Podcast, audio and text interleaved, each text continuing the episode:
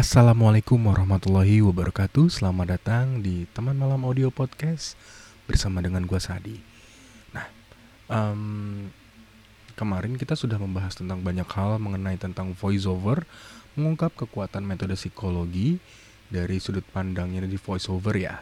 Nah, um, sekarang kita akan bahas apa lagi sih? Nah, kemarin kita membahas tentang pengaruh emosi dalam dunia voiceover kan ya sekarang kita masuk ke dalam metode psikologi dalam dunia voiceovernya itu sendiri. Kita akan membahas tentang pengenalan berbagai metode psikologinya yang efektif, terus juga teknik-teknik untuk meningkatkan persuasif dan daya tarik suaranya dalam dunia voiceover, dan contoh penggunaan metode-metode psikologi dalam iklan, narasi, cerita, dan yang lain-lain sebagainya. Nah, pasti banyak banget kan yang yang ingin di, di apa ya, let's say cari tahu gitu loh tentang tentang metode psikologi dalam dunia voiceover ini Makanya tetap ikutin terus podcast gue di teman malam audio. Gue biasa ngebahas tentang voiceover, psikologi, biasa juga ada di playlist-playlist sebelumnya itu tentang audio hipnoterapi ataupun um, tentang hal-hal yang berbau tentang kehidupan. Let's say apa pun lah yang akan menjadi teman malam ketika kalian beristirahat nanti. Mudah-mudahan ya. Dan thank you so much yang udah hadir. Kayak beberapa negara yang ada di podcast-podcast di sini. Kita sudah menyentuh playlist 3262 dan Spotify followersnya udah 60 eh enggak dong 46 dan ini tidak tidak aku share ke mana-mana. Teman-teman aja yang share ke sosial media teman-teman. Kalau misalkan teman-teman cocok dengan konten aku dan what is it? Mudah-mudahan konten yang aku kasih ini bermanfaat buat teman-teman ya. Amin. Um, kita balik lagi nih ke tentang metode psikologi dalam dunia voiceover. Uh, sebelumnya teman-teman tahu gak sih voiceover dapat menjadi alat yang kuat dalam menyampaikan pesan dengan efektif dan mempengaruhi emosi serta tindakan tindakan dari pendengar itu sendiri. Penggunaan metode psikologi ini dalam dunia produksi voiceover dapat membantu mencapai tujuan komunikatif dan menciptakan pengalaman pendengaran mendengarkan yang lebih mendalam dan lebih berkesan. Nah, contoh-contohnya tuh kayak penggunaan emosi, terus juga ada bersesuaian, otoritas dan kepercayaan, pengulangan, ada teknik NLP juga ternyata atau sorry itu suara komputerku ya. ada teknik NLP juga loh, Neuro Linguistic Program. Wow, ternyata ada hipnoterapi juga loh, eh, bagian dari hipnoterapi juga. Oke, kita bahas satu-satu ya dari penggunaan emosi. Penggunaan emosi ini dalam dunia voiceover adalah salah satu metode psikologi yang paling kuat Emosi dapat mempengaruhi cara pendengar merespon pesan dan menciptakan ikatan yang lebih kuat dengan audiensnya itu sendiri loh. Wow, keren banget ya. Jadi emosi itu bisa apa ya, bisa mempengaruhi pendengar dan merespon pesannya itu sendiri dan menciptakan ikatan yang lebih kuat dengan audiens.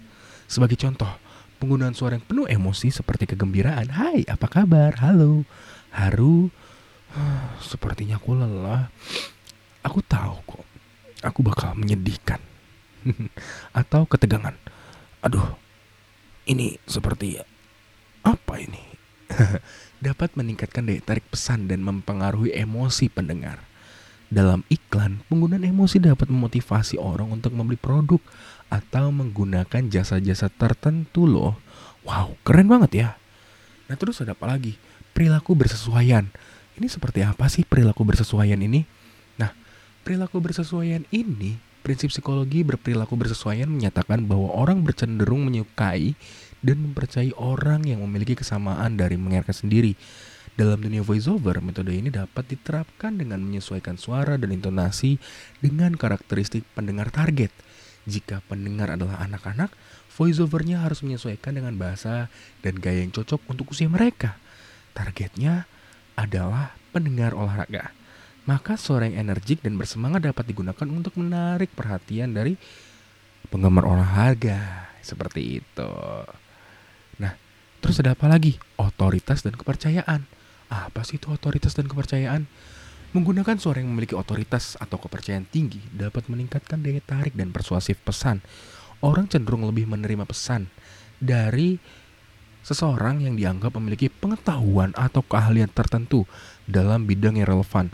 Dalam dunia voiceovernya itu sendiri, penggunaan suara yang memiliki otoritas, kekuatan, kepercayaan, dan memberikan kesan yang tinggi dapat meningkatkan keefektivitas pesan, terutama dalam iklan ataupun presentasi.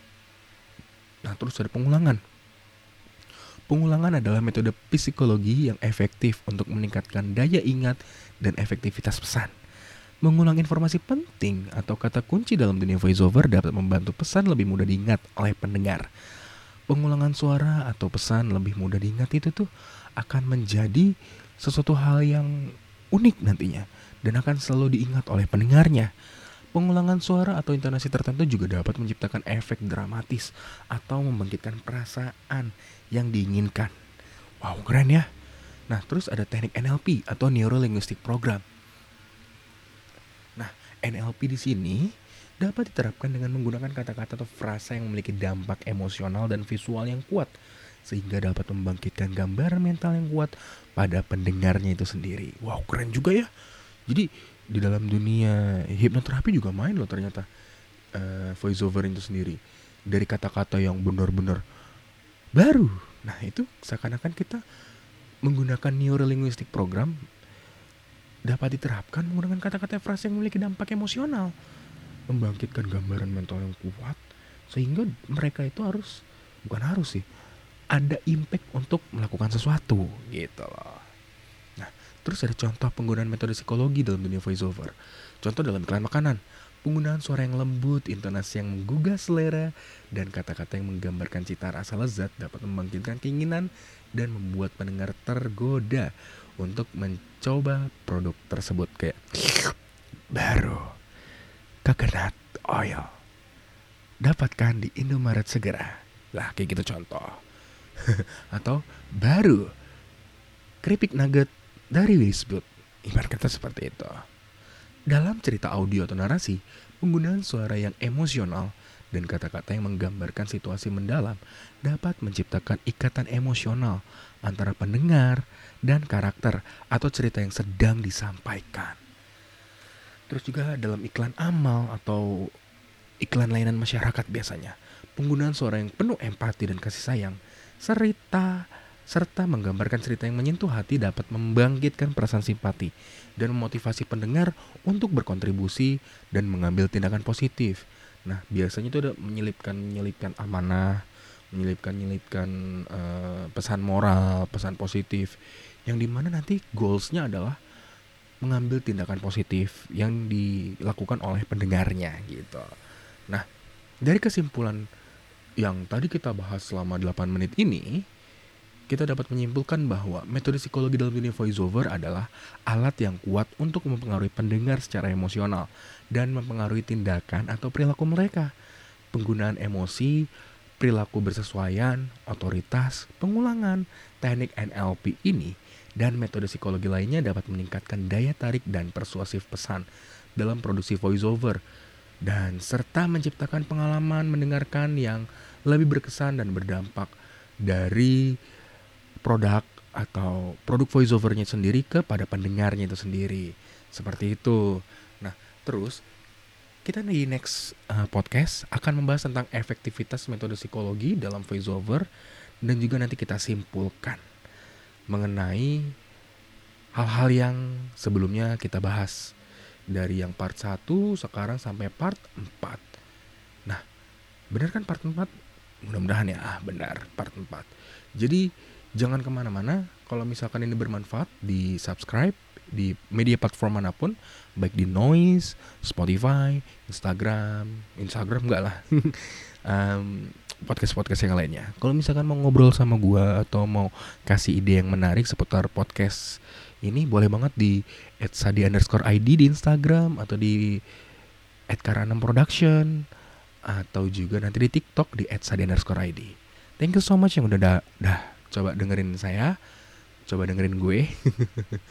Dengan gue Sadi, sekian dan assalamualaikum warahmatullahi wabarakatuh.